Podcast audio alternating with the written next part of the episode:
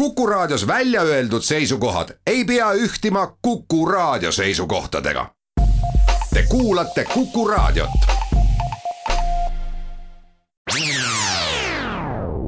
Restart.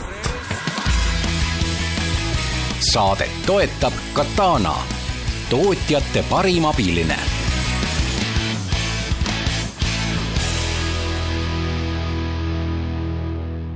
tere päevast kõigile Restardi kuulajatele, iganädalane tehnoloogia idufirma ja, ja IT-äri saade on eetris. Taavi Kotka, Henrik Roonemaa on saatejuhid ja meil on täna kaks külalist, me räägime sellisest ähm, Eesti ettevõttest nagu G-Scan või G-Scan. ja kuna teema on teaduslik ja keeruline ja meil on aega parasjagu nii vähe kui on, siis äh, me saame minna kohe saate juurde, meil on külas selle ettevõtte juhatuse esimees Andi Hektor, tere Andi tervist. ja tegevjuht Hannes Plinte, tere Hannes sulle ka. tervist.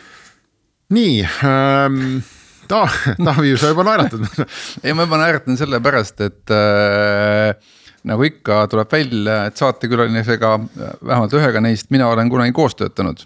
ehk siis äh, Nii. see küll ulatub, ma pakun nüüd lasen peast läbi vähemalt kakskümmend kaks aastat tagasi, Hannes või, või on sul mingid teised andmed? Ma arvan aastal üheksakümmend üheksa äkki või midagi sihukest umbes üheksakümmend üheksa me töötasime koos, koos nimega, ettevõtluse nimega Andmevara. no vot, kas te olite ja... mõlemad noored progejad? kirusite ülemusi kuskil suitsunurgas? ei, Hannes oli ülemus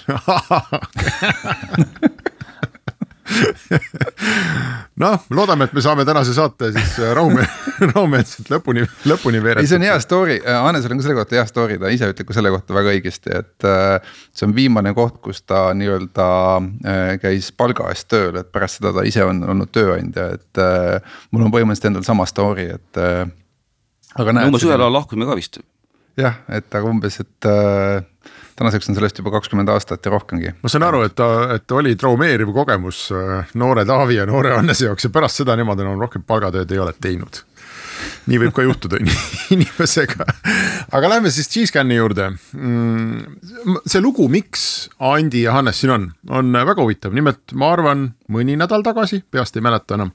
ma tegin siin saates üleskutse, et kui Eestis on idufirmasid, mis ei ole kellegi äriprotsessi optimeerimise või need pasteediettevõtted, nagu Taavi ütles ja. ja see võib-olla kõlab halvasti, aga pasteet on hea asi ja need ettevõtted on väga vajalikud ja toredad.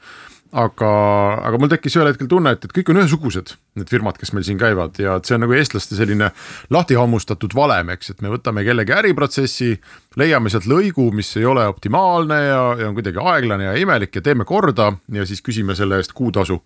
Ehm, et kas meil on teistsuguseid ettevõtteid ka ja ma sain muide terve hulga kirju, neid saateid hakkab nüüd siin ilmselt järjest tulema, ettevõtetest, kes äh, teevad teistsuguseid asju, teevad äh, ja teevad ka äh, inglise keeles on see sõna deep tech, et tegelevad sellise süvatehnoloogiaga ja seal on selline keeruline komponent sees, mis ei võimalda kuu ajaga nullist praktiliselt turule minna ja hakata kohe kliente otsima, et. et see võib võtta aastaid ja võib üldse mitte välja tulla, aga kui tuleb välja, siis noh, maailma ajaloo mõttes panus on tõenäoliselt suurem kui mõnel äh, optimeerimisettevõttel. ja G-Scan on üks selliseid süvatehnoloogia ettevõtteid, äh, kus on teaduslik komponent, aga ma arvan, meil oleks nüüd õige aeg seletada, millega G-Scan tegeleb. Andi või Hannes, kumb alustab? Hannes, sa järsku räägid ära meie äripoole nii-öelda esimese iva ja siis ma võin jätkata selle. et ja, et Hannes ütleb, mida te tahate teha ja Andi, Andi ütleb, kuidas seda tehakse. just G-Scan on siis atmosfääri, atmosfääri tomograafialt äh, arendav ettevõte, me teeme siis tomograafilisi seadmeid, hakkame tootma. ja, ja need põhinevad siis atmosfääri kiirgusel ehk, ehk täiesti naturaalsel kiirgusel seal on mõned eelised, miks me seda teeme ja, ja, ja võib-olla Andi räägibki nendest füüsikast, füüsikalistest omadustest, et mis on, mis on atmosfääri kiired. oot, oot, oot, oot, oot, oot, oot, oot, oot, oot, meil on ikka raadiosaade on ju, see nagu juba esimene lõik, jumala kosmos on ju, atmosfäär ja puha, et. sõna otseses mõttes äh,. alustame sellest äh, nagu, et äh, mingiks praktilisest väärtusest, et inimesel tekkis mingi assotsiatsioon, et miks seda vaja üldse on ja mis sellega teha saab ja et äh, seda on vaja selleks, et äh, läbi valgustada inimesi ja asju ja noh, ma arvan, et iga inimene on käinud ju lennujaamas äh, vast tänapäeval. ja näinud seda aparaati, mis kohvreid läbi valgustab või iga inimene on käinud hambaarsti juures, kus tal on võib-olla tehtud üks röntgenpilt hammastest või, või on järsku isegi kopsupilt tehtud kunagi.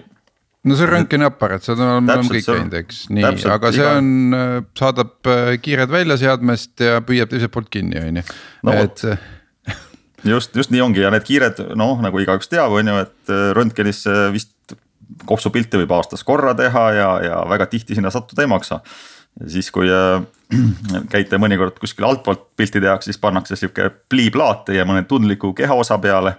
sest see kiirgus teatavasti kahjustab inimest. et äh, aga meie ümber on tegelikult väga palju looduslikku kiirgust, mida me saame samal otstarbel ära kasutada. Äh, lihtsalt sellega noh, kuna looduslik kiirgus on palju nõrgem, on ütleme seal tuhandeid, isegi miljoneid kordi nõrgem, siis meil on vaja väga palju täpsemat ja tundlikumat aparaati.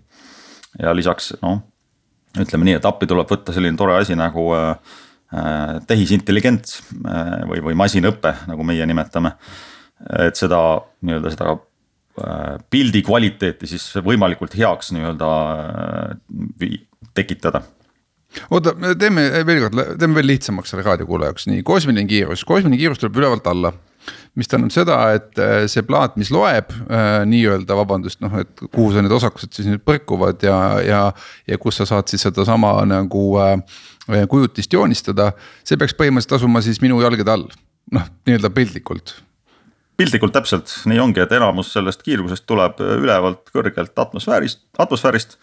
Äh, ja noh, reaalses, reaalsuses näeb see välja nii, et me paneme kaks plaati tegelikult, ühe paneme sinu pea kohale, mis mõõdab ära need väga täpselt ära need nii-öelda sind pommitavad äh, osakesed ehk põhiliselt müünid siis ja elektronid. ja teine plaat pannakse sulle siis jalge alla, kus me näeme, kuidas äh, sinu keha, kõik need organid, mis sinu sees on, neid kiiri natukene kõrvale kallutavad. ja nüüd kasutades seda väikest, väikest info hulka, mis noh, näiliselt väikest info hulka, mis, mis selles kõrvalekaldes peitub. saame me noh, füüsikud ütleme pidulikult rekonstrueerida siis sinu kolm, kolme, kolmemõõtmelise kujutise okei okay,, ühesõnaga, et kui ma põhimõtteliselt täna lähen lennujaamas läbi turvavärava, mis põhimõtteliselt lihtsalt otsib mu käest minu keha küljest metalli äh,. Nii-öelda siis mind nii-öelda risti äh, läbi valgustades, nimetame seda siis niimoodi on ju. siis see ei ole päris õige termin, aga noh, nimetame seda nii. siis äh, põhimõtteliselt samasugune värav, ainult selle vahega, et nüüd tuleb äh, litakas mitte külje pealt, vaid ülevalt on ju ja, ja, ja mõõdab alt ja et äh, noh, ta ei tule päris otse ülevalt, et ütleme, sa, sa võid piltlikult ette kujutada, et kogu taevas nagu helendaks nendest, nendest osakestest. Need osakesed on, äh, neid on nii vähe, et me oleme noh, miljardite aastate jooksul siin maa peal elanud, et me oleme täiesti ära harjunud nendega. Nad meile ohtlikud ei ole ja noh, seega me mingit lisakiirgusdoosi inimesele ei anna. ja see seade ise, ise näeb välja pigem nagu selline noh, ütleme, kui teha ta väravana, siis inimene peab seisma seal ja ootama, mõistlikum oleks teha ta siis juba mingi koridorilaadse mm, seadmena, et sa jalutad sealt läbi ja siis selle jalutuskäigu jooksul äh, saame üsna hea pildi, mis, mida sa all oled neelanud ja mida, mis sul kuskil põuetaskus on ja nii edasi.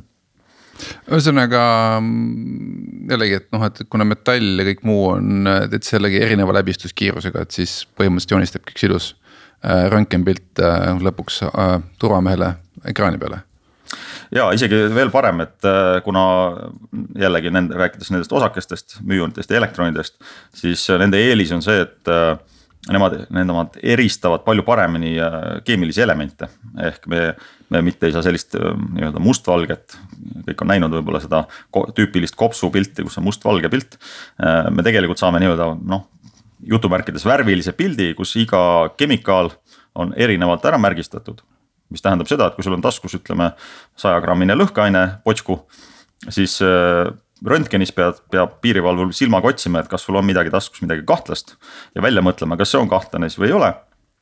siis meie seadmes äh, noh, see, äh, me saame aru, et see on lõhkeaine, lõhkeained on tüüpiliselt üsna lämmastikurikkad ained ja punane tuli hakkab vilkuma ilma igasuguse piirivalve, piirivalvuri sekkumiseta, et näed, seal on lõhkeaine, et me saame äh, automatiseerida, me saame nii-öelda operaatori vabaks selle süsteemi teha see on nagu mingi isegi... keskaegne süsteem, et kõnnid mööda seda koridori, aga järsku lihtsalt üks põrandalukk avaneb ja sa kukud alla. Šahti! ja enam sa sealt välja ei saa. no vaata, kuidas üks filmiklassika suudab nagu inimese mõttemaailma kohe paika panna. aga põhimõtteliselt tähendab ka seda, et igasugune narkomuulandus ju kaotab mõtte, et äh, neelad küll tohutu hunniku pakikesi alla ja, ja istuvad sul kuskil soolestikus, aga kokkuvõttes täiesti kasutu kraam, et äh, nopivad kenasti ülesse sind seal lennuväljal. No täpselt nii, et äh, ise, iseenesest on ju võimalik äh, kui röntgenseadmest rääkida, siis jahu ja, ja, ja, ja teatud narkootikumid võib-olla näevad röntgen, röntgen samamoodi välja. aga meie tomograafis äh, eristab neid aineid omavahel. kus, kus neid kasutuskohti veel on, et me oleme praegu siia lennujaama külge nagu kinni jäänud, et noh, avardame seda vaatenurka natukene, et, äh, et kuhu, kuhu veel see nagu kõik laieneda võiks?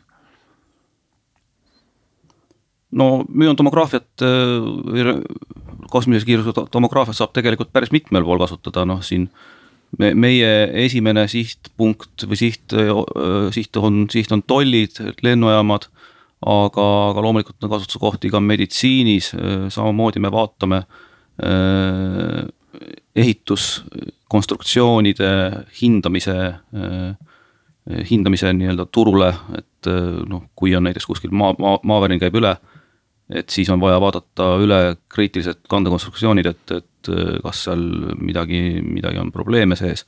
et noh, see müontomograafia sobib väga hästi ka selliste suurte pindade läbivalgustamiseks. aga kui ma nüüd, kui ma nüüd seal lennujaama koridoris kõnnin ähm, kas, kas see on nagu see, et, et see piirivalvur eh, näeb, et kas mul on lõhkeaine taskus või kas mul on kopsupõletik kas see, see on nagu ainult nagu tarkvaras kinni, et mis, mis nagu tarkvara talle arvutisse installitud on või kuidas, kuidas see pool käib?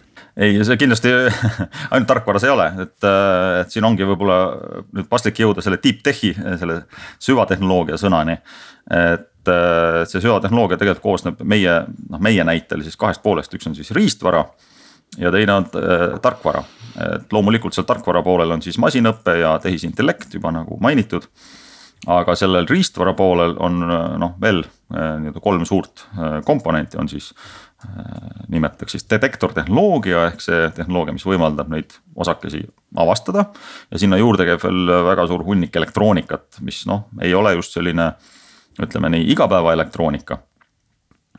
ja noh, siin detektortehnoloogias võib veel peensustesse minna, et meie, meie kasutame sellist toredat tehnoloogiat nagu mida kutsutakse sintsilaatortehnoloogia.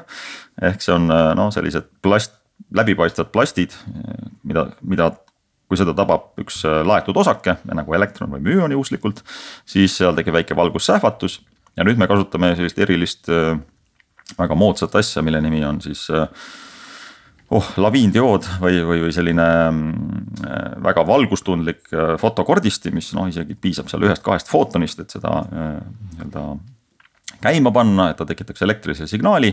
ja noh, see on selline tehnoloogia, mis on viimase kümne aasta jooksul nüüd väga hüppeliselt arenenud ja noh, see on, see on üks põhjus, miks me noh, ise ka leiame, et miks me just praegu oleme selle tehnoloogiaga õiges kohas, et see tehnoloogia on läinud piisavalt odavaks, et seda noh, me saame kommertsseadmeid juba teha sellest.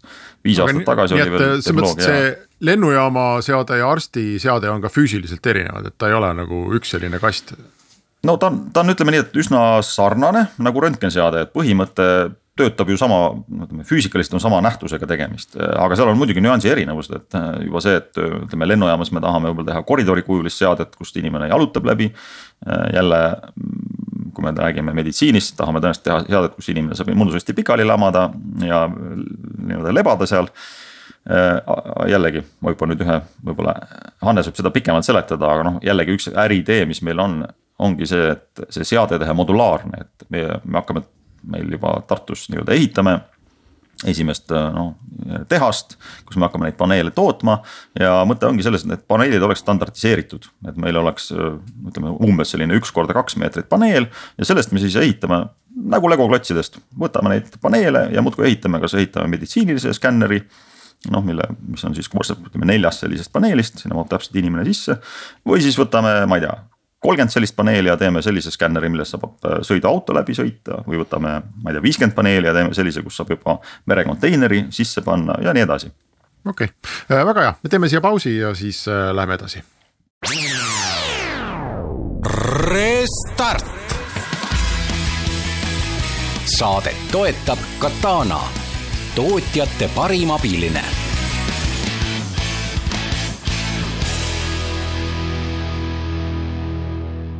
Restart jätkub, me räägime süvatehnoloogiast täna ja ettevõte on G-Scan või G-Scan, kui eesti keeles öelda ning Andi Hektor ja Hannes Plinte on meie külalised. Mul tuli millegipärast meelde üks lugu kaheksakümnendates, kui Eestis püü-, püüti äh, taasleiutada või, või, või innoveerida äh, nii-öelda hambumuse röntgenpilti ehk siis vaata hambumuse probleem on see, et sul oleks vaja kuidagi saada nagu ta nii-öelda 3D-sse, aga kui sa paned kaks plaati on ju, et sa saad nagu põhimõtteliselt nagu 2D pildi on ju.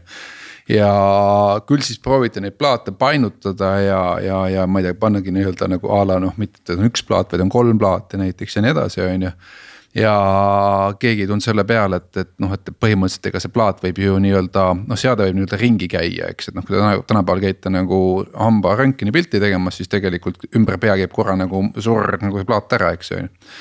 Ja noh, lisaks on tänapäeval need võimalused, et sa põhimõtteliselt võid ju äh, noh, nagu täpselt samamoodi nagu tehakse, ma ei tea, panorampilti, et sa üks asi on see, mis sul püütakse nii-öelda fotosilmaga kinni, aga teine asi on see, et arvuti siis liidab need osakesed kokku üheks tervikpildiks, eks, et äh, et kuidas ma hakkasin teie puhul ka mõtlema seda, et kui te hakkate tegema ikkagi nagu ala ehituskonstruktsioonide läbivalgustamist ja midagi sellist, et.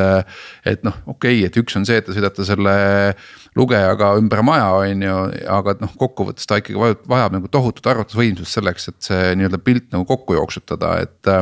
kas te kuidagi suudate seda ka nagu edasi anda, et noh, põhimõtteliselt, et see tänapäeval muidugi pole enam väga tähtis, sest noh, arvutusvõimsus on läinud väga odavaks, et kui ma jalutan sealt nüüd sellest lennujaama koridorist läbi või kui ma teen sellist nagu konstruktsiooni analüüsi, on ju.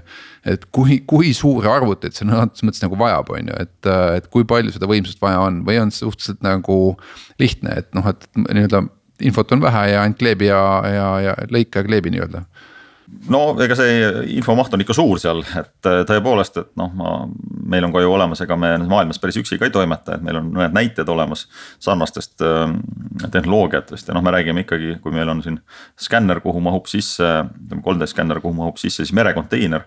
siis noh, tegelikult äh, on sinna juurde vaja väikest nii-öelda äh, serveri parki. aga noh, jällegi siin tuleme korraks hüppame meie lahenduse juurde, siis meil on Äh, sellised äh, spetsiaalselt patenteeritud äh, algoritmid, millega me saame oluliselt kiirendada seda protsessi.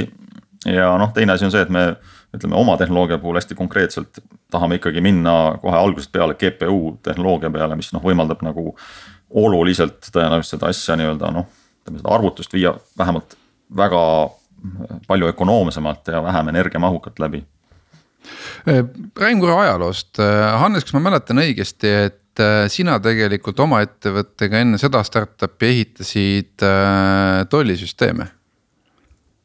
täpselt nii, äh, tegelikult G-Scan ongi ju GoSwiftist välja kasvanud.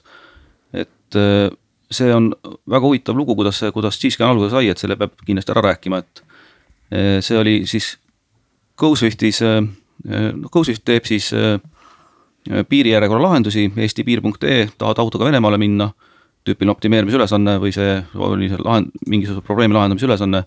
muidu on pikad järjekorrad, füüsilised, füüsilised sabad seal autodest. et aga nüüd siis meie lahendusega eesti.ee, paned aja kirja, lähed õigel ajal õige, õigesse kohta ja ületad piiri. ja siis äh, me tegime ühte, ühte tehnoloogiaarendusprojekti GoSwiftiga, mille äh, Luhamaa piiripunktis oli see. mille ülesanne oli siis äh, teha biomeetriline piiriületus ehk äh, siis ilma, ilma, ilma piir, ilma, ilma piirivalvule sekkumata piiriületus äh, sõidukiga äh, reisijatele. et noh, nii nagu see on lennujaamades, et lähed, lähed näitad oma passi masinale ette ja, ja siis näitad oma näo ette ja, ja ületad selle, selle lennujaama, selle piirikontrolli ilma, ilma piir, piirivalvuri sekkumata. samamoodi siis me tahtsime teha maantee piiripunktis sõidukiga reisijatele nüüd selle juures siis tekkis meil praktiline vajadus või, või, või soov siis kliendi poolt või, või, või siis piirivalve poolt, et et noh, tegelikult oleks vaja kokku lugeda, mitu inimest on autos. ja me hakkasime otsima tehnoloogiat, et kuidasmoodi siis äh, lugeda kokku, mitu inimest on autos, eks, kui on deklareeritud kolm, äh, siis sinna biomeetrilisse kioskisse läheb kolm, aga võib-olla põhja, põhja all või, või pagasikus on veel keegi ja, ja, ja need, need, need tuleb ka üles otsida. Ja, ja siis noh, röntgenist, röntgenist kasutada ei saa, röntgen on teatavasti siis ohtlik elus, elus inimesele. siis üks meie projektijuhtidest, praegune siis tehnoloogiajuht, pakkus välja, et Märt Mägi pakkus välja, et, et vot äkki saab selleks kasutada müontomograafiat. noh, mõtlesime, natuke naersime, aga, aga tegelikult mõtlesime, et hea küll, kontrollime. ja tellisime Tartu Ülikooli füüsikaosakonnast siis täiesti ametlikult eeluuringu. palusime vastata küsimusele, kas müontomograafiat saab selle otstarbel kasutada. Tartu Ülikoolis oli meil vastas selline tore teadlane, kelle nimi on Madis Kiisk, kes siis mõtles mõne kuu oma, oma, oma tiimiga ja ütles, et saab küll. siis me tegime teise uuringu, et, kas siis teostatav ka on, et noh, hea küll, et saan aru, et saab, saab küll, aga kas see nagu praktiliselt on võimalik ka nagu mõistliku aja ja rahaga seda teostada.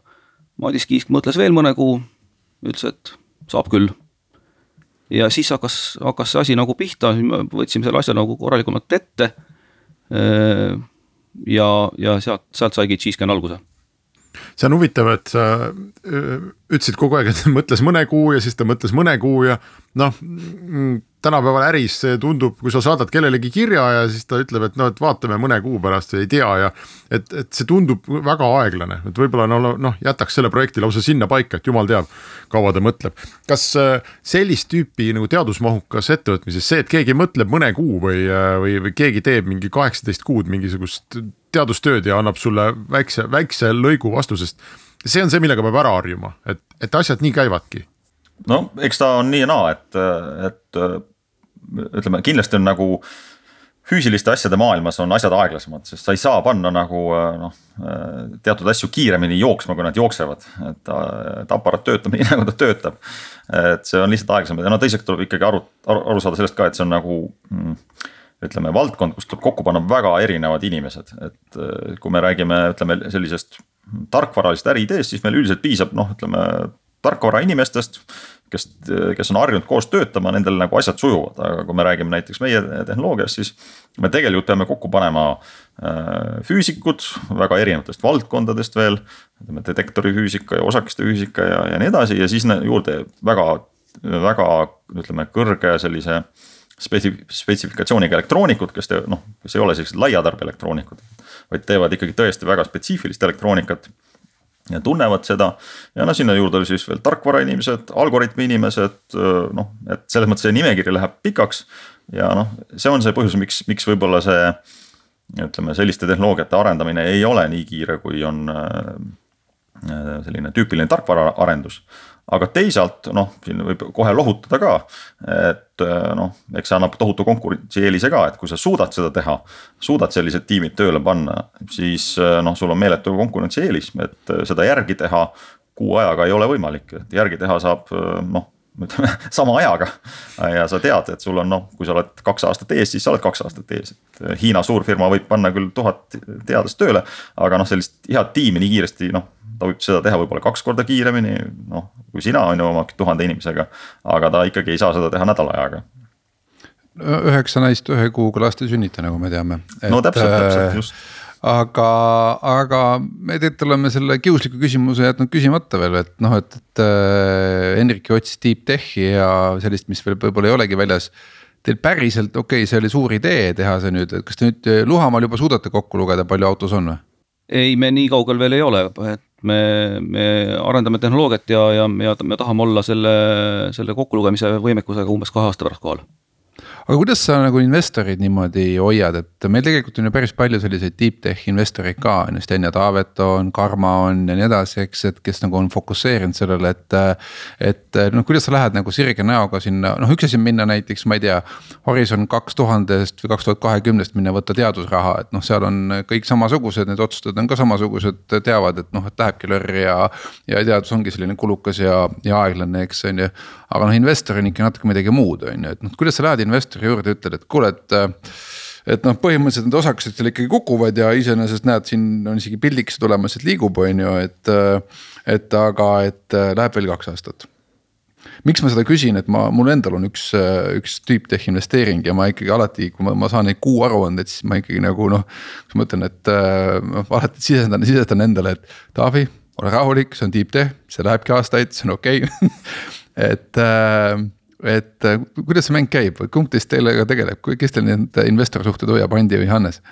no eh, eks me mõlemad äh, tegeleme selle poolega, et äh, see on selline tiimitöö ka, et äh, see on võib-olla huvitav, Hannes võib pärast teile kommenteerida, aga minu arust on huvitav see, et tipptechi investorid on ka nagu sellised väga. kuidas seda öelda, spetsiifilised inimesed, et need ei ole noh, see nõuabki noh, sellist erilist teadmist ja võib-olla ka seda. No ütleme teatud ajalugu, et noh, ma ise olen käinud palju sellistes kohtades nagu CERN, mis asub Šveitsis, on ju Cambridge'is olen olnud palju, MIT inimestega olen suhelnud, et noh, ma näengi, et see seltskond investoreid seal. noh, see nõuabki nagu sellist mõnes mõttes kannatlikkust, aga noh, teisest küljest ütleme ka see. see auhind, mis sa pärast saad on ka päris priske, on ju, et sest noh, tippteh on, et kui ta läbi murrab, siis ta on ikkagi väga noh, tihti ka väga kasumlik ja aga mõtlengi, et me peame siin raadiokuulajale ka seletama ära või meelde tuletama, et noh, mis on klassikaline fondi loogika, eks, et äh, klassikaline investeerimisfond töötab sellisel põhimõttel, et äh, võetakse investoritelt raha, noh. eraisikud, ettevõtted, perekonnad, kes sinna panevad kõik suures mahus ja lubadusega, et näed, kui sa annad raha meile, et siis me a la seitsme aasta pärast anname sulle raha tagasi keskmise tootlikkusega noh, ma ei tea, kakskümmend, kakskümmend viis, kolmkümmend protsenti. mis ületab siis noh, a la inflatsiooni ja muid noh, nii-öelda klassikalisi, ma ei tea, võlakirju ja muid asju, on ju.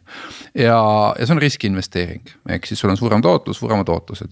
aga neil on kohustus noh, pärast seitset aastat nagu fond likvideerida, et nad investeerivad kolme aasta jooksul ära, siis nad ootavad ja kui seitse aastat saab täis, siis saaks seda pikendada või noh, ütleme nii, et.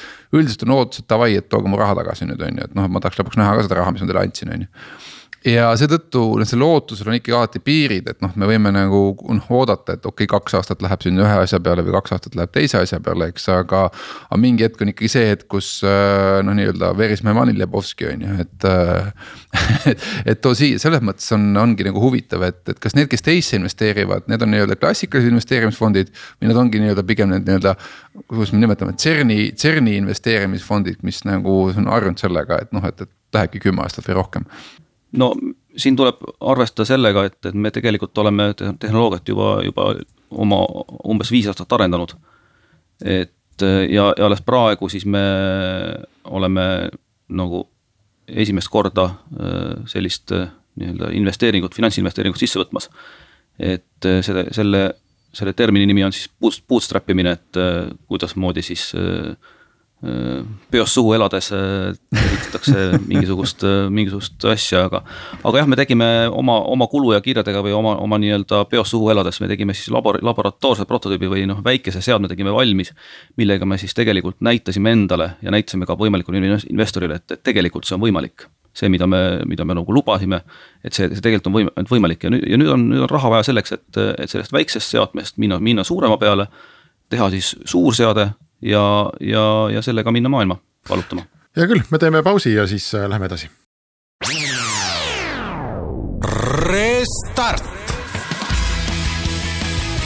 saadet toetab Katana, tootjate parim abiline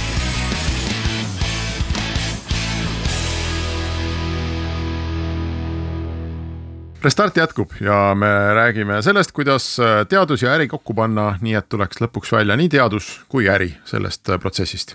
meil jäi just äh, eelmine plokk huvitava koha pealt pooleli, et Hannes hakkas rääkima raha kaasamisest ja noh, selge, et eestlased, kes on kõik nüüd pururikkad tänu pensionireformile, eks, et kindlasti tahaksid kõik investeerida kohe tohutus koguses teha tarku investeeringuid et sa ütlesid, Hannes, et te olete siiamaani nii-öelda bootstrap inud, et nii-öelda omavahenditest elanud, eks, et teil on ka Horizon'i raha taga just nimelt, no tegelikult me, kui me tegime selle laboratoorse prototüübi või selle esimese väikse seadme valmis.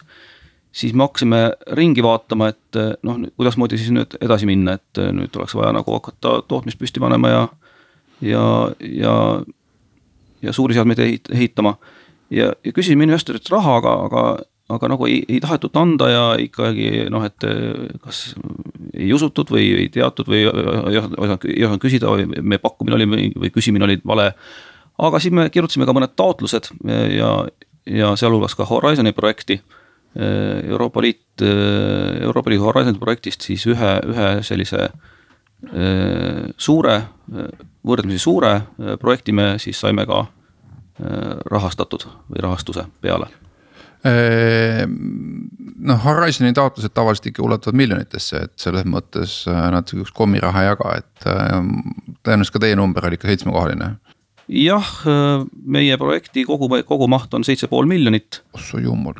ja, ja sellest siis Eestisse tuleb umbes neli miljonit eurot väga ilus tulemus. aga, aga minu jaoks, et ma kõrvaltvaatajana on ongi see nagu kuidagi huvitav küsimus, et, et ühest küljest jah, et teie firma on nagu bootstrap inud, eks, et ei ole nagu raha kaasanud, aga teisest küljest noh, kuskilt tuli seitse pool miljonit, et, et kuidas seda vahekorda noh, sellise nagu teadusarenduse ja nagu avaliku raha ja firma rahakoti vahel nagu hoitakse, et. et mis on siis nagu firma raha või kuidas see sellisel puhul käib, et Euroopa Liit maksab kinni osa sellest uurimistööst, aga firma justkui saab selle peale hakata midagi ehitama ja, aga selle Horisondi projekti puhul tuleb muidugi mainida, et see ongi hästi selline noh, sisuliselt on see nii-öelda. Euroopa Komisjon tellib meie käest äh, tegelikult äh, no ütleme enam-vähem valmis seadme, et äh, lihtsalt ütleme, meie eelis on see, et meie noh, ta maandab meie hästi suured riskid ära, et ütleme era, ütleme, kui me võtame siin mõne Saksa tolli näiteks, siis tema võib-olla ei julge teha sellist otsust, siis noh, Euroopa komisjon suudab äh, oma rahadega sellist julgust võtta ja, ja tõesti tellida ära mei-, meilt selliselt algavalt, alustavalt ettevõttelt sellise seadme, noh. see seade on siis selline, kus saab juba veoauto või, või väike merekonteiner läbi sõita. et seda, vot see ongi võib-olla see, kus on vaja seda riskimisjulgust juurde anda, et investor, eriti siin Eesti investor, noh ei ole sellist raha ja sellist äh, julgust, et seda asja teha aga noh, ütleme suures ja, no, Euroopa Komisjonil ongi, et ta ju noh, issand jumal, ise prindid raha juurde, on ju, et äh, otsustati ära siin kuskil kümmekond aastat tagasi, et äh, paneme ühe ilge paki raha siis äh, teadusarendusse. mille eesmärk tegelikult ongi see, et, äh, et las teadlased müravad, ettevõtted võtavad koos teadlastega suuremaid riske, selle riski maksab Euroopa Liit kinni.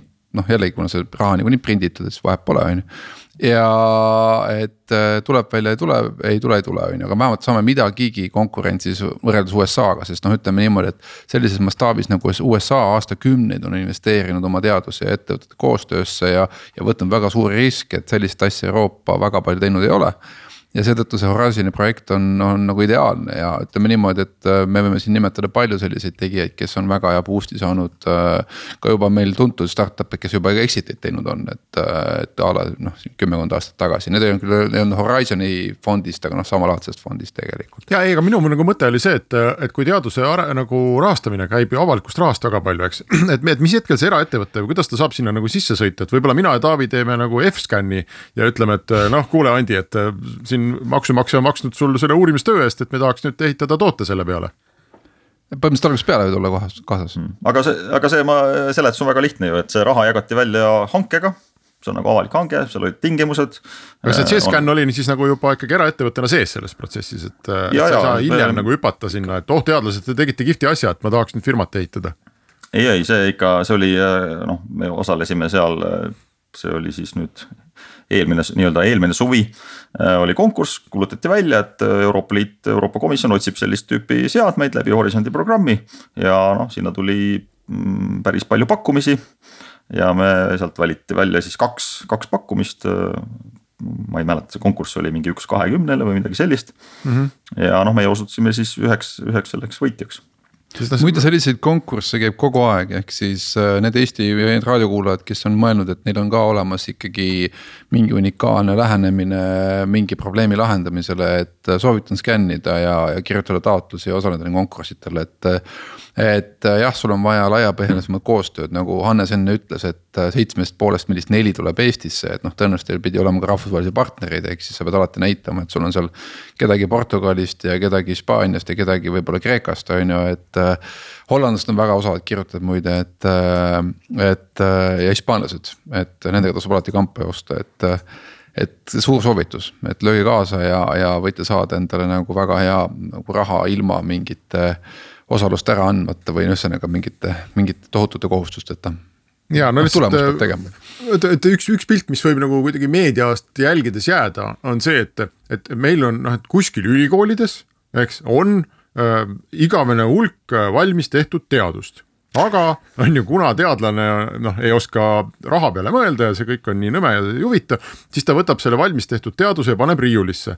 ja nüüd oleks siis nagu eraettevõtte koht on ju noh, kuidagi saada see teadus sealt riiulist, see valmis teadus riiulist kätte, panna karpi ja müüa maha. Äh, aga see, see vist on nagu lihtsustatud arusaam, et. ja, aga see ongi selle Horizon'i mõte, et üldiselt sellel teadlasel ikkagi ta valmis teadus ei ole, et ta ongi pigem selline, et noh, et a la, et me teame, et kosmosest tulevad mingid kiired, on ju. ja põhimõtteliselt on võimalik neid kinni püüda ja meil on olemas mingi esimene prototüüp selle kohta, on ju. aga noh, see prototüüp on noh, nii kohmakas ja nii suur, see on vaja saada nagu ma ei tea tuhat korda väiksemaks ja, ja, ja kümme tuhat korda odavamaks, on ju, et, et oleks mm -hmm. nagu masstootmises võimalik, eks on ju, et. et sellist teadust tõesti on päris palju ja selleks ongi Horizon mõeldud aga ma mõtlengi, et Rein Võura-Vill, Hannes räägi sellest investment'i poolest, et. et te hakkate nüüd round'i tegema, kas teil on juba lead investor olemas, kas teil on round juba lukus, kas teil. mis, mis tüüpi round'i üldse teete, kaks sõna no Horizoni rahastusest tõepoolest rahastatakse ju ainult arendustööd, et äriarendust ja, ja ettevõtte sellist nii-öelda üldist arengut sellest, sellest rahastada ei, ei, ei tohi. ja, ja just selleks, et, et ettevõttel oleks ka nii-öelda tava, tava äri, äriarenduses mõttes nagu hoog sees, siis on meil praegu selline nii-öelda ingli, ingli, ingli round või angel round sulgemisel. ja, ja, ja Indrek Kasela on siis äh, meid, äh, meid kõige rohkem selles, sellel teemal aidanud, aidanud, et eesotsas temaga siis mõned, mõned Eesti äriinglid on, äh, on meil, meil meil raha, raha sisse. aga sa nii palju oskad meile öelda, et umbes, et kui palju äh, te tõstate sisse endale ja, ja kas on äh, equity, mis on convertible note või, või mis tüüpi instrumenti te kasutate? Me kasutame praegusel, praegusel ajal me kasutame equity instrumenti ja me võtame võimalikult vähe raha sisse, sellepärast et äh, meil Horizoni raha on olemas. arenduse jaoks meil raha vaja ei ole, et äh, meil on vaja, vaja äh, raha selleks, et, et selle raha omanikud ja, ja, ja raha andjad aitaksid meil järgmist raundi, raundi ellu viia, et, et siis, kui meil tõsine raund tulemas on, siis, siis, siis oleks meil, meil see, see investorite nime, nimekiri olemas ühesõnaga need, kes, need, kes on pensioniraha kätte saanud, nemad praegu panna ei saa. Funderbeami, Funderbeami ei lähe aga teeme pausi ja siis äh, jätkame viimase lõiguga. Restart. saadet toetab Katana, tootjate parim abiline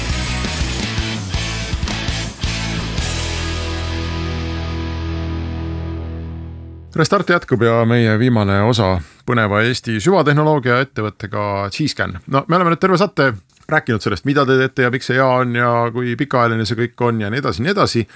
kui kaugel te nagu täna olete, kas see asi on kuidagi valmis, et äh, nüüd lükka ainult tootmisesse ja hakka müüma või see tegelikult terendab siin veel kaheksa ja pool aastat äh, uurimistööd ja siis selgub, et kas üldse saab teha või mis see seis on?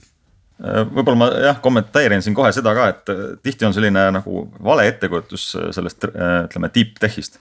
et, et ta kuidagi pidevalt on selline aeglane protsess, tegelikult deep tech'iga ongi see, et ta on tükk aega selline aeglane, kus sellised esimesed printsiibid tuleb laboris ära katsetada, läbi mängida aga see hetk, kus, kus me teame juba, et asi töötab ja on selline üleskaleerimine, siis seal on deep tech tegelikult täpselt sama kiire tänapäeval, kui, kui ütleme tarkvaraarendus, noh, okei okay,, nat-, okei okay,, ma võib-olla natuke liialdan, natukene aeglasem no,. jah, kui ikka mingi see... riistvara komponent on, siis ikka läheb aega.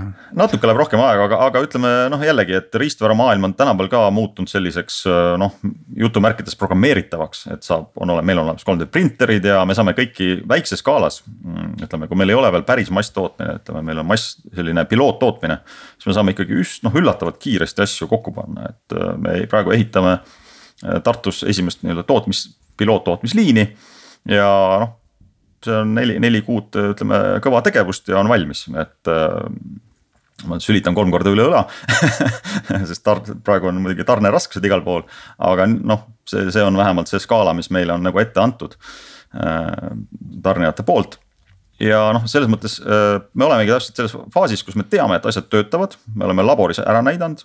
me oleme tootmistehnoloogia välja mõelnud ja nüüd tuleb lihtsalt vajutada nii-öelda suurele punasele nupule ja see tehas või noh, see ei ole isegi tehas, see on pilootseade, robot, selline väike tootmisseade kokku panna ja neid tootma hakata. ja sealt ja. on see skaleerimine juba noh, ütleme üsna lihtne kusjuures äh, Deep Techil on üks eelis veel, et äh, mis investoritele meeldib, et isegi kui äh, noh, nagu minevikus olnud ikkagi Eestis palju neid deep tech ettevõtteid ja. ja paljudega on juhtunud tegelikult see, et eestlased polegi suutnud seda üles skaleerida, noh mis iganes põhjusel, et noh, müük ei õnnestu, turundus ei õnnestu, ei oska tootmist ehitada, et noh, põhjusel mis iganes aga üldjuhul on suudetud see tehnoloogia ikkagi väga korraliku kasumiga maha müüa. et okei okay,, et sa ei saanud nüüd unicorn'i sealt, on ju, aga sa saad oma ikkagi äh, kakskümmend, nelikümmend X-i noh kätte või tagasi, on ju, et. et isegi kui sa ei hakka tootma ja seda müügiorganisatsiooni ei tee ise, eks ole, et siis ja, tuleb mingi Hitachi ja ostab ära selle ja. jah, selles mõttes meil on ja. isegi lähiajaloos siin äh, väga häid näiteid, kus on tegelikult ostetud tehnoloogiat, noh a la plumber näiteks on ju. et, äh, et selles mõttes on, on, on, on, on see alati nagu nii-öelda investorile alati nihuke nagu kaval investeering, et noh, et, et kui ei tule väljagi, et siis saab vähemalt teaduse maha müüa, on ju. aga mõtlengi, et, et selles mõttes teie jaoks äh, lentuur on ikkagi kodutoalt alustame, et see on ikka klassikaline, et kõigepealt lähen Lätti ja Soome oma, oma, oma, oma nagu kastidega on ju. või on teil juba ka nii-öelda eellepingud tehtud, et äh, noh a la Holland, äh, kus on väga suured tollisüsteemid, Singapurid, äh, Ameerika Ühendriigid. et mis see teie turg olema saab? no meie turg on esmajoones siis tollid, lennujaamad, kriitilise infrastruktuuri omavad, omavad ettevõtted võib-olla turvafirmad, kes äh, röntgenseadmeid praegusel ajal siis kasutavad, läbivalgustustehnoloogiat vajavad. see on meie turg äh, ja, ja, ja tõepoolest, nagu sa ütlesid, et me peame ikkagi kõigepealt koduturul äh, jala maha saama. ja, ja, ja tegelikult see Horizon'i projekt või Horizon'i need meetmed on selles mõttes väga head, väga head, kuna seal nagu on nõutud see, et, et see lõpptarbija või lõppklient peab selle projektiga kaasas olema, et äh, meil on projektis, selles Horizoni projektis, mida me, mille me saime, on siis, äh, see on koostöös Eesti tolli, Soome tolliga. Äh, ja, ja kes seal veel oli tollidest, Andi? Türgi toll oli ja noh no,, vaatlejana on veel, veel seal juures, ütleme tollisid. jah, ja Läti toll vaatlejana mm. -hmm. et eks need, eks need on meie esimesed, esimesed kohad, kuhu me, kuhu me läheme selles mõttes see on hästi tähtis ikkagi, äh, ma arvan, seda peaks kuidagi nagu rohkem ka riik, riiklikul tasandil äh, nii-öelda äh, forsseerima või, või, või edasi viima, me oleme saates rääkinud ka, et kui ikkagi keegi meie teadus äh,, teadlastest on saanud väga suure grant'i ja on saanud endale ikkagi jalad maha ja on näha, et tootel on potentsiaali, on ju.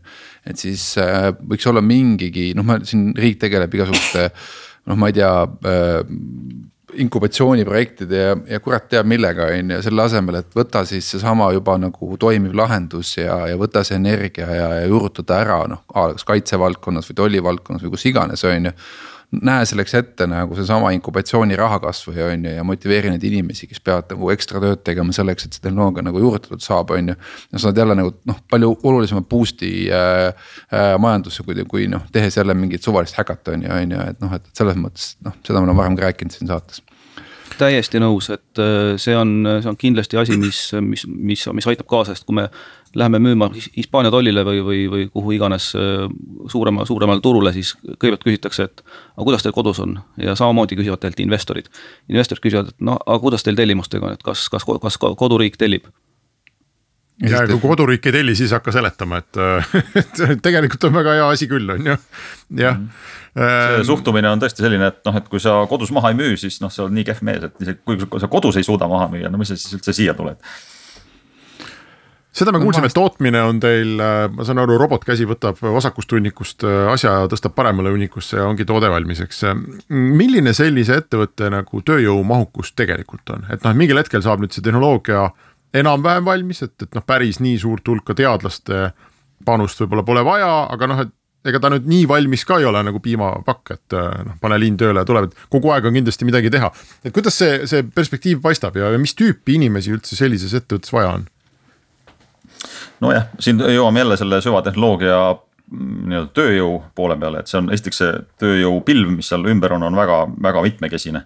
ja üks asi on selge, et kõiki neid spetsialiste ei ole võimalik Eestis saada, et et siin me, me ikkagi peame täiega nagu noh, ütleme osalema sellel rahvusvahelisel tööjõuturul ja eriti noh, järgmistes faasides, et esialgu on küll nii, et meil on noh, tipptechi see noh, jälle on selline võib-olla vale ettekujutus, et meil on vaja selles algfaasis, ma ei tea sadu inimesi, kes seal tööd teeb. tegelikult ei ole, et äh, ma just vaatasin Ameerika mõningaid tipptech ettevõtteid, et äh, päris pikalt nad tiksuvadki sellise kümne, viieteist inimesega. kuni täpselt jõuavad sinna faasi, kus seda äh, saab kiirendada, kiiresti turule minna, nad on nii-öelda küpsed.